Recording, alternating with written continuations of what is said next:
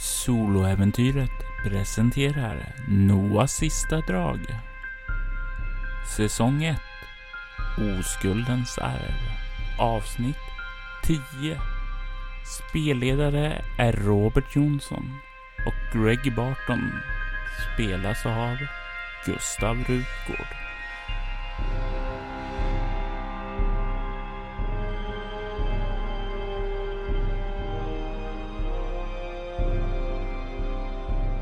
Greg hade en dröm. Om sitt förflutna, om tiden uppe i Tobias Thompsons stuga. Om arvet, om händelserna. I drömmarna så mindes han. Han mindes om vad som hade varit. Han mindes Jordi och hennes ankomst. Och han mindes hur hans hur Tobias betjänt, en bekant, en person som han brydde sig om mycket, om hur Martin blev besatt och försökte döda dem. Han vaknar sakta upp ur drömmarna och han minns äntligen.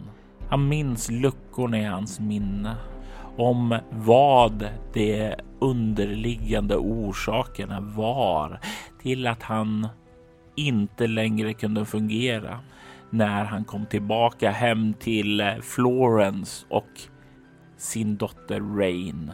Han har under en lång tid nu pratat med Dr Magdalena Borodin. Han har fått hjälp och det är det som har fått honom att minnas. I sängen bredvid Greg ligger Florence och sover. Klockan är 3.57. Greg, du är klarvaken. Du minns. Vad gör du?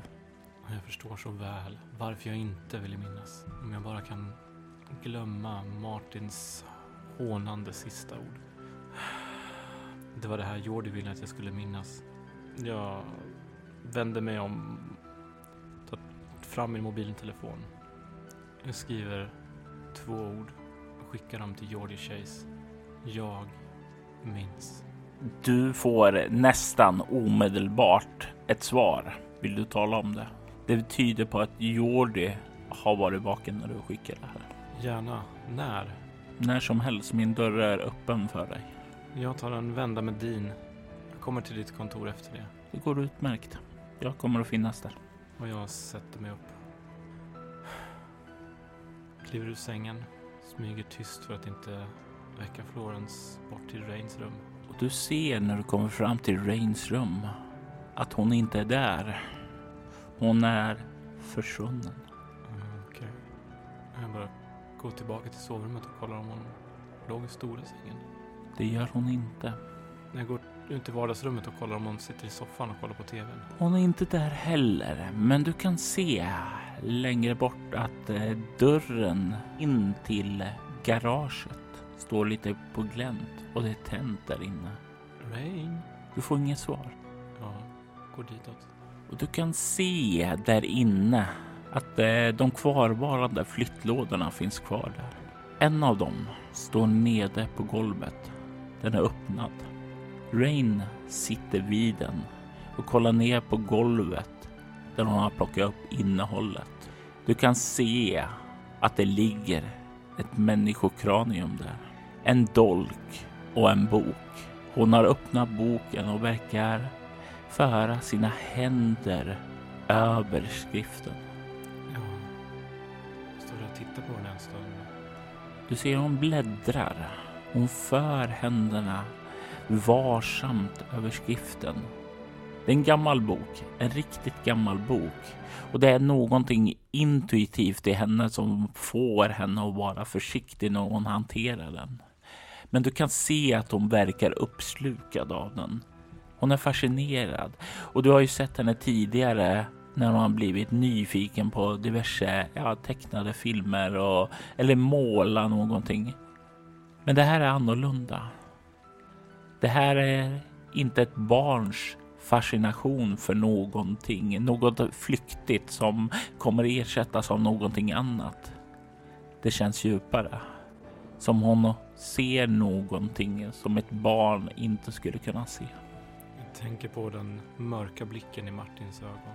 Jag går fram och ställer mig med händerna i sidorna så att hon ser mina fötter där hon sitter och läser. Tittar på henne. Rain? Du gjorde fel pappa. Vilket då? Han är inte borta pappa. Jag vet. Men jag gjorde allt jag kunde.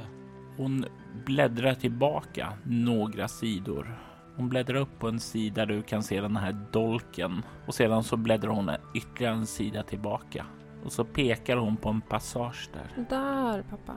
Där står det hur du ska göra. Men Rain, det, det här är på latin.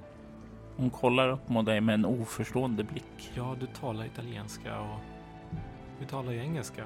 Den här boken är skriven på ett annat språk, ett gammalt språk. Dött för många hundra år sedan. Hur kan du läsa vad som står här? Han berättade för mig att jag skulle visa dig. Är det mannen från drömmen? Hon nickar.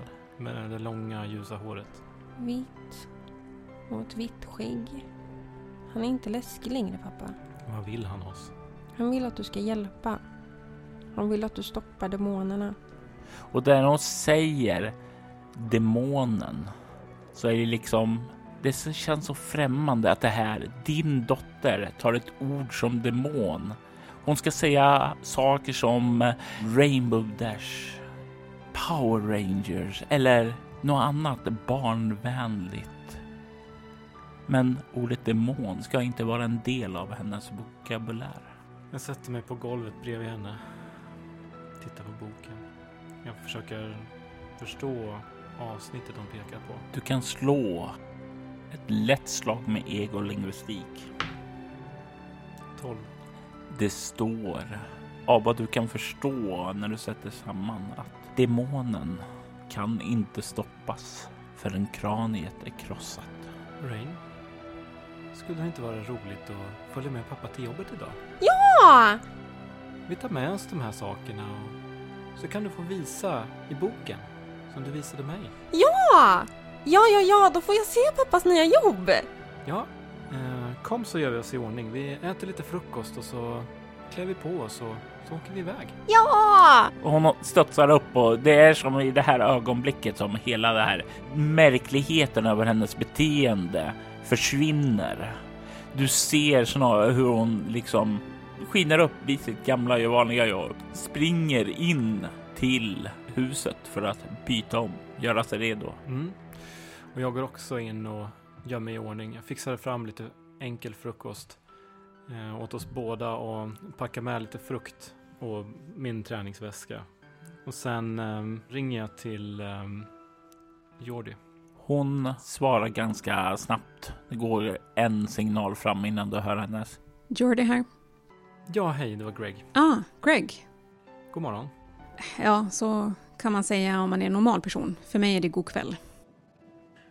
Så pass. Du, ehm, jag vet ju om att, eller jag trodde att du förmodligen var vaken. Ehm, hur är det, vet du hur dags Magdalena, eh, ja, Dr. Borodin brukar komma in till sitt kontor? Hon är väldigt noga med detaljer. Hon är alltid inne vid sju. Okej. Ehm, det är så här att min dotter, hon börjar följa med in idag och jag tror att um, Dr. Borodin behöver prata med henne lite grann. Okej. Jag vill bara säkerställa att hon inte är påverkad av det som hände vid testamentupplösningen på något sätt. Okej. Då bör hon nog tala med mig också. Okej, bra. Jag tänkte ta med henne nu. Jag kommer in och åker om tio minuter ungefär. Mm. Ja, det blir bra. Jag ser till att möta er då ni kommer. Det är bra. Okej, hejdå. Jag vill att du slår en tärning. Slår du ett eller två så har du väckt din fru. Mm. Jag slår en fyra. Hon sover djupt i sängen ovetandes om att du ska ta med din dotter till jobbet. Jag lämnar en lapp. Ehm, jag tar med Rain idag. Skriver jag bara. Greg. Jag har en reaktionstärning här med massa olika smiley faces, allt ifrån sur till glad. Jag slår den nu för att se hur hon kommer reagera på din lapp. Det är en winky face. Mm. Men vi kommer tillbaka till det lite senare. Rain kommer fram till dig. Jag är klar, ska vi åka? Bra, hoppa in. Eh, och jag har packat in boken och allt ifrån kistan. Eh, och matsäcken och min dotter och träningskläder. Och så kör vi ut till eh, Faiths huvudkontor ute på den vackra slätten. Och det är ju åker den här öde landsvägen. Det här lugna, fina vädret som råder känns mycket behagligare. Nu var det för flera månader sedan du, du, du hade den här upplevelsen uppe i Tobias stuga. Men regnsmattret som du hörde där är fortfarande starkt i ditt minne, som om det skedde igår. Du svänger upp på parkeringen och du kan se där att Jordi står där ute och väntar. Och jag parkerar och jag berättar för Rain att eh, ja, hon som står där framme, hon, hon är väldigt nyfiken på det som du vet om boken. Och jag tänkte att eh, ni skulle få chansen att lära känna varandra lite grann. Hon heter Jordi, Jordi Chase. Hon är min chef. Ah, så hon bestämmer typ vad du ska göra? Ja, och hon är väldigt snäll och hon tar hand om mig. Hon kommer ta hand om dig också. Om, om hon tar bra hand om min pappa, då gillar jag henne. Bra. Och vi parkerar där och eh, går runt och öppnar åt henne och sådär. Ja, här gör du. Det här är Rain. Och hon nickar åt dig och sen så går hon ner på knä och ställer, ja, ställer sig framför din dotter och sträcker fram sin hand. Hej! Och kan se hur din dotter bestämt sträcker fram och skakar Jordis hand. Och jag ler mot, eh, mot Jordi. Pappa säger att du är snäll mot honom när du bestämmer vad han ska göra. Jordi ler lite åt barnets oskuldsfulla kommentar och nickar. Ja, eh, så länge din pappa sköter sig behöver jag ju inte vara elak. Jag är säker på att du är snäll mot honom också. Ja, jag är jättesnäll. Förutom när han inte sköter sig. Ja, och Greg står där och eh, ser väldigt nöjd ut eh, över det här, stolt över sin dotter. Och lite så, eh, ändå skönt att de gaddar ihop sig mot honom, det bådar gott. Ehm, och jag plockar fram de andra grejerna från bilen. Rain, jag tog med boken så att du kan visa den för Jordi. Ja, det är den vita mannen som ville att jag skulle peka ut en sak åt pappa. Okej, ska vi gå in till mitt kontor så kan vi prata där. Och sen kollar hon på dig. Skulle du till Di nu? Jag kan ta henne så länge. Mm.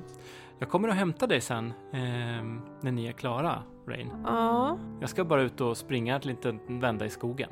Motionera, du vet. mm, hoppas det går bra. Ja, det tror jag. Vi ses om en stund då. Hej då! Hejdå! Och du ser hur Jordi eh, liksom sträcker fram handen eh, efter å, åt dig för att ta lådan då. Mm. Mm. Och sen så säger hon åt eh, din dotter att följa med och de börjar vandra iväg mot Jordis kontor. Jag kollar efter dem en stund, sen så tar jag ut min väska från bilen och ger mig bort till eh, omklädningsrummet. Och du kommer in i omklädningsrummet och du kan se hur Dina håller på att byta om där och han nickar åt dig. God morgon. Du är här tidigt idag ser jag. Ja, går det bra att jag följer med? Ja, men absolut. Det är alltid trevligt med sällskap i spåret. Härligt, härligt. Ja, det känns ändå skönt att få lite grann springa av sig de här känslorna eh, utifrån det här minnet lite grann. Och få, få känna liksom hur kroppen verkligen eh, jobbar hårt. Och eh, när ni väl kommer ut där så känner du det är skönt. Du känner hur lätt, ja, nästan som om du flyger fram runt spåren. Den här friheten att bara få springa. Som en viss reklamkampanj brukar säga. Just do it. Och det är vad du gör. Det rensar sinnet och för en stund så är det enda du kan tänka på hur du försöker andas när du pressar dig själv extra mycket. Hur svetten glider fram när du väl kommer tillbaka med din mot omklädningsrummen så får du så här uppskattande klapp på axeln. Du pressade dig riktigt ordentligt idag, Greg. Du börjar sakta komma i form. Ja, nej, det känns bra. Det, jag är glad över att få äntligen komma igång med träningen ordentligt. Du, du har varit en, en bra sporre din. Vi ses. Det gör vi. Ta hand om dig så syns vi på lunchen. Och jag byter om och gör mig redo för dagens arbete och beger mig sedan upp till eh, Jordis kontor.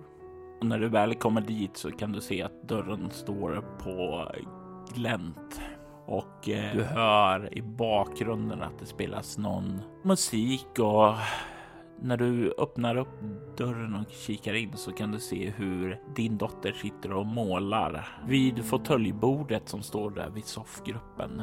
Hon verkar nynna till musiken och vara ganska avslappnad och glad samtidigt som Jordi sitter och läser boken. När du kliver in så kollar han upp. Det ser ut som springturen gjorde det gott. Ja, verkligen. Det känns bättre. Ja, som sagt, efter i natt så minns jag allting. Ja, eller i alla fall fram tills att vi såg det sista Martin. Pappa! Mm, Jag är inte besatt av någon demon. vad skönt. Jag har pratat med Rain och eh, du har ingenting att oroa dig för. Det finns inga spår av att hon är besatt men eh, Säger hon och reser sig upp börjar gå närmare dig och talar lite tystare. jag kan inte riktigt vara säker men det känns som att hon är begåvad. Jag vet inte riktigt hur jag ska säga det men eh, utifrån det som jag har samtalat med henne om och det lilla jag fått veta från dig under våra samtal Mm, Det känns, det känns som att hon har en latent förmåga att se saker, att få visioner via drömmar. ja, jag vet inte om jag nämnde det för dig Jordi, men eh, den där mannen hon talar om med det vita långa håret och det långa skägget.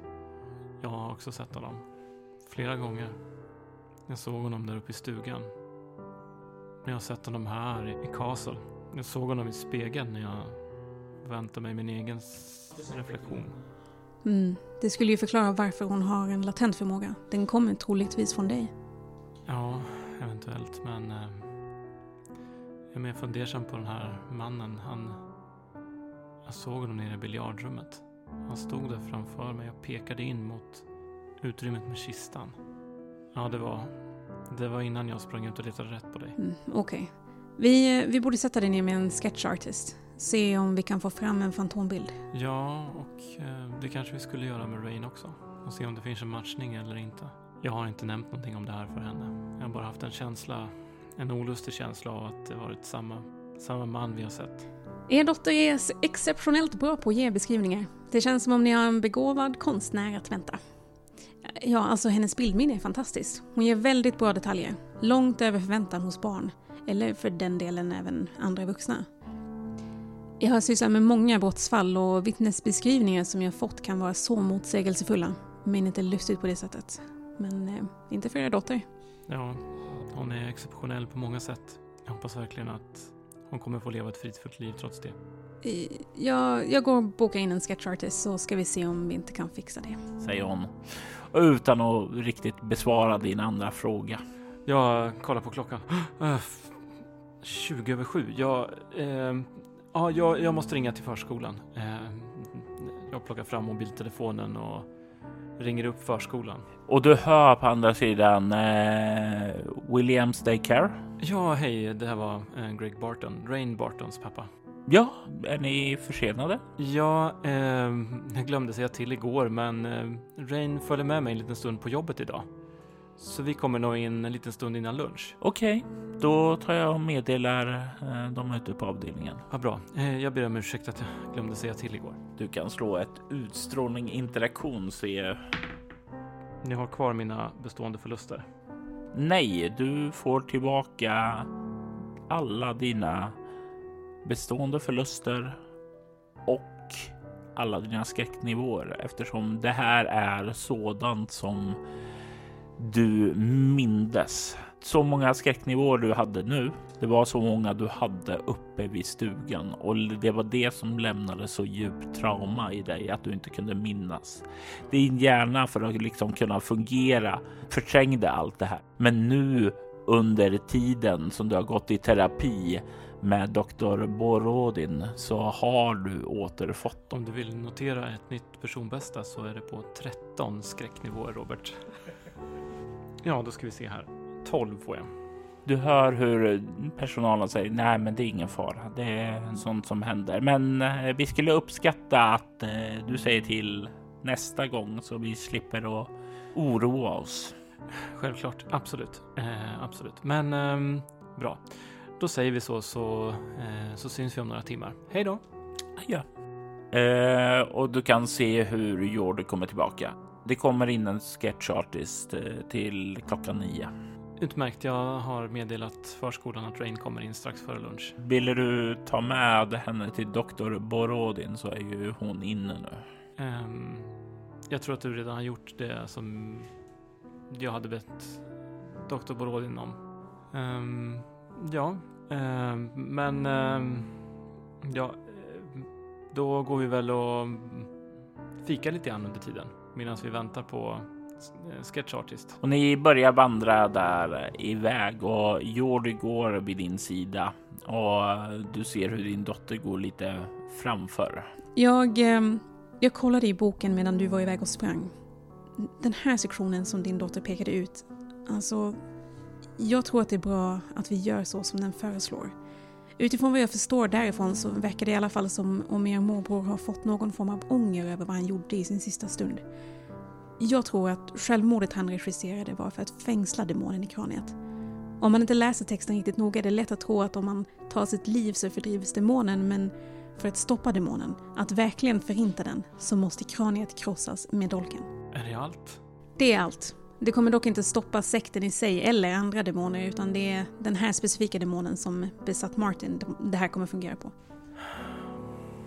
Jordi, vad har du gjort för efterforskningar på Fader Thomas? Det är som om han har gått under jorden. Och då jag säger det menar jag verkligen gå under jorden. Det är som om han har ett nätverk som kan gömma honom. Faith har en extremt djup insikt i byråkratins malande kvarnar men vi har inte funnit honom. Mm. Jag tror att vi skulle be Rona Cartwright och hennes kollegor att hålla ett extra öga på min morbrors eh, Tillgångar. tillgångar. Både eh, hans, eh, om någon tar ut saker från hans konton eller engagerar sig på något sätt i hans bolag.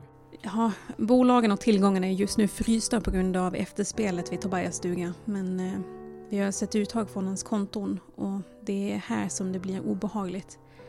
Det här skedde innan vi lyckades frysa kontona. Det skedde simultana uttag på flera platser i världen vid exakt samma tidslag. Shanghai, London, Paris, Stockholm, Rio de Janeiro, Tokyo och New York. Och det är bara några av platserna. Det är ju enormt illavarslande. Det här skedde vid bankomater och vi har försökt få in övervakningsvideor där det fanns. Mm. Men kamerorna har varit ur funktion, döljt eller så har personerna inte synts tydligt så då de har varit maskerade och så vidare. Det visar dock på att vad än Fader Thomas har varit med i så är det en global konspiration. Mm. Okej. Pappa, vad är en global konspiration? Ehm, det är när man, eh, när man har eh, vänner i många delar av världen och sen så hjälps man åt med olika saker. Men just när det kommer till ordet konspiration så brukar det vara dåliga saker man hjälps åt med. Ah, som när man slår någon. Ja, till exempel. Sen så verkar hon gå tillbaka i sina egna tankar. Och ni kommer fram till eh, kafeterian. Och eh, jag köper något eh, riktigt eh, finfika till, eh, till Rain med eh, eh, bullar och varm choklad och eh, lite sådär. Och du kan se hennes ögon bara stirra upp. Åh, Ja, det är inte så dumt att komma till pappas jobb va? nej. Jag vill komma hit varje dag. Ja, såklart du vill. Det går ju tyvärr inte. Men vet du? Pappa får nästan aldrig köpa bullar och choklad här när han är själv. Det är bara när Rain är med. Exakt. Det är förbjudet för din far. Vi vill ju hålla honom i god vigör. Säger Jordi och ler lite pillemariskt mot eh, dottern och det verkar få henne att le tillbaka. Va? Ja, det förstås. Det är min superkraft. Jag kan trolla fram bullarna. Precis. Och ni går bort och just när du är på väg att sätta ner brickorna vid bordet så bussar det till i din telefon. Jag drar fram den och kollar. Och du ser att det är från din fru Florence. Och du ser bara ett ord och en smiley Tack. och ett hjärta. Jag skickar ett hjärta tillbaka. Sen eh, sätter jag mig ner och njuter av att spendera tid med min dotter. Och Jordi. Ja. Ni har en trevlig förmiddag tills sketchartisten kommer. Och eh, ni får sätta er i varsitt rum. Först så får du gå, lämna din beskrivning. Sedan så blir det Rains tur. Och när det sedan är klart och du får se resultatet så är det kusligt. Jag vill att du slår ett egoskräckslag mot svårighetsgrad 7. För eh, ni har beskrivit exakt samma man. Bilderna är i stort sett identiska. 11. Det här kanske inte kommer som någon överraskning för dig. Nej. ehm, det var det jag trodde. Men eh, det är ändå skönt att få, få det svart på vitt. Jag um, plockar med mig Rain och skjutsar in henne till ehm, eh, förskolan. Hon verkar ledsen att behöva lämna. Men den lilla sorgen som uppstår, den försvinner i samma stund som hon anländer till Williams Daycare och möter sina vänner. Jag stannar förbi en blomsterbutik på vägen tillbaka. Mm. Jag köper med mig en, ehm, en fin somrig eh, blombukett. Och så kör jag tillbaka till, ehm, till jobbet. Och du kommer tillbaka till jobbet, parkerar utanför. Tar fram det lilla kortet som jag köpte. Tack, står det tryckt. Jag skriver dit för att du räddade min själ och mitt liv. Greg. Sätter dit den på blombuketten och lämnar den till eh, receptionisten och säger Det här kom till Jori. Hon nickar bara och tar emot den och ser till att den ska komma till rätt person. Och efter att du har lämnat buketten där, var tar du vägen då? Vad har jag för förpliktelser idag? Idag så är det precis som eh, de föregående dagarna att du sitter och arbetar med en, eh, ja, vad man skulle kunna, kunna säga är en uppsats mer eller mindre där du skriver och gör lite research och den typen. Så du har haft eh, och har en rätt fri dag. Frihet under ansvar. Så jag eh, beger mig till eh, mitt skrivbord eh, och sätter mig där och fortsätter att jobba. Under tiden som sitter och jobbar så inser du en sak.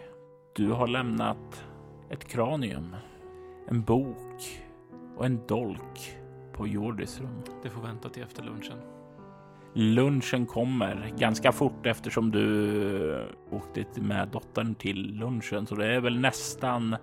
Ja, det går väl kanske en halvtimme sedan du har kommit tillbaka. Så jag går ner till eh, matsalen och eh, köper lite mat. Kollar om jag ser Dean. Och du kan se han sitter tillsammans med några andra som du har sett där och verkar prata. Eh, men det finns plats ledigt vid hans bord. Ja, jag tar min bricka och eh, går fram där. Ja, Dean ber dig att slå dig ned vid hans bord och eh, äta lunch tillsammans med honom och de andra som sitter där. Det blir en väldigt gemytlig stämning kring bordet efter din snabbt brutit isen efter att ha introducerat dig till de andra. När han skojar hur han kör med dig ute i spåren så verkar de andra känna igen sig i hans beskrivningar och de skrattar hjärtligt och välkomnande till dig. och jag har en trevlig stund där och äter min lunch, eh, lär känna de andra lite mer och ja, jag bestämmer mig. Det, det är dags. Jag, jag säger hej till de andra och beger mig till Jordis rum. Dörren är stängd när du kommer fram. Jag knackar. Kom in. Jag kliver in. Du ser Jordis kontor. Det ser ut som det gjorde tidigare när du var här idag. Med ett undantag. En eh, blomsterbukett som står på skrivbordet. Ja, har du hunnit sova någonting? Nej, men eh, jag är inne på min andra termos kaffe. Ja, alltid något, ja. Ehm, ja, det är väl inte någon idé att dra ut på det längre. Eller har du redan krossat kraniet? Nej, jag har inte gjort det. Ehm, jag tänker att du ska få göra det. Okej. Ska vi göra det bara här inne eller har du något särskilt ställe vi borde gå till? Jag föreslår att vi rör oss ut i skogen så vi inte gör det i kontorsbyggnaden.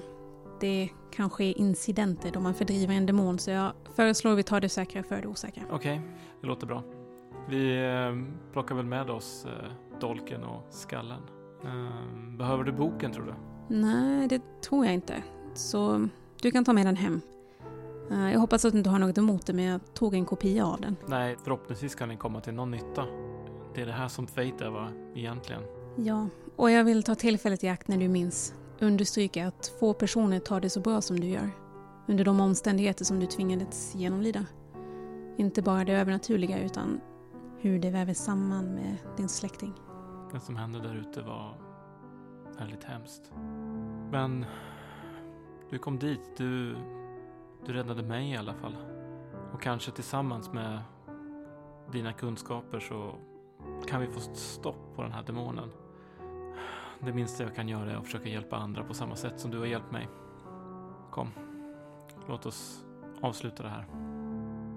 Ni tar er ut från byggnaden, följer spåret ut till skogen och efter en bit längs det så tar Jordi och viker av in i skogen.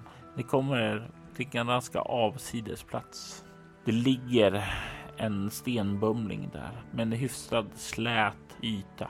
Hon gör en gest emot den. Jag plockar upp skallen, placerar den försiktigt på ytan med ansiktssidan mot oss. Du liksom när du gör det, du tycker dig känna en konstig ilning. Jag stryker fingrarna mot varandra när jag har satt ner den.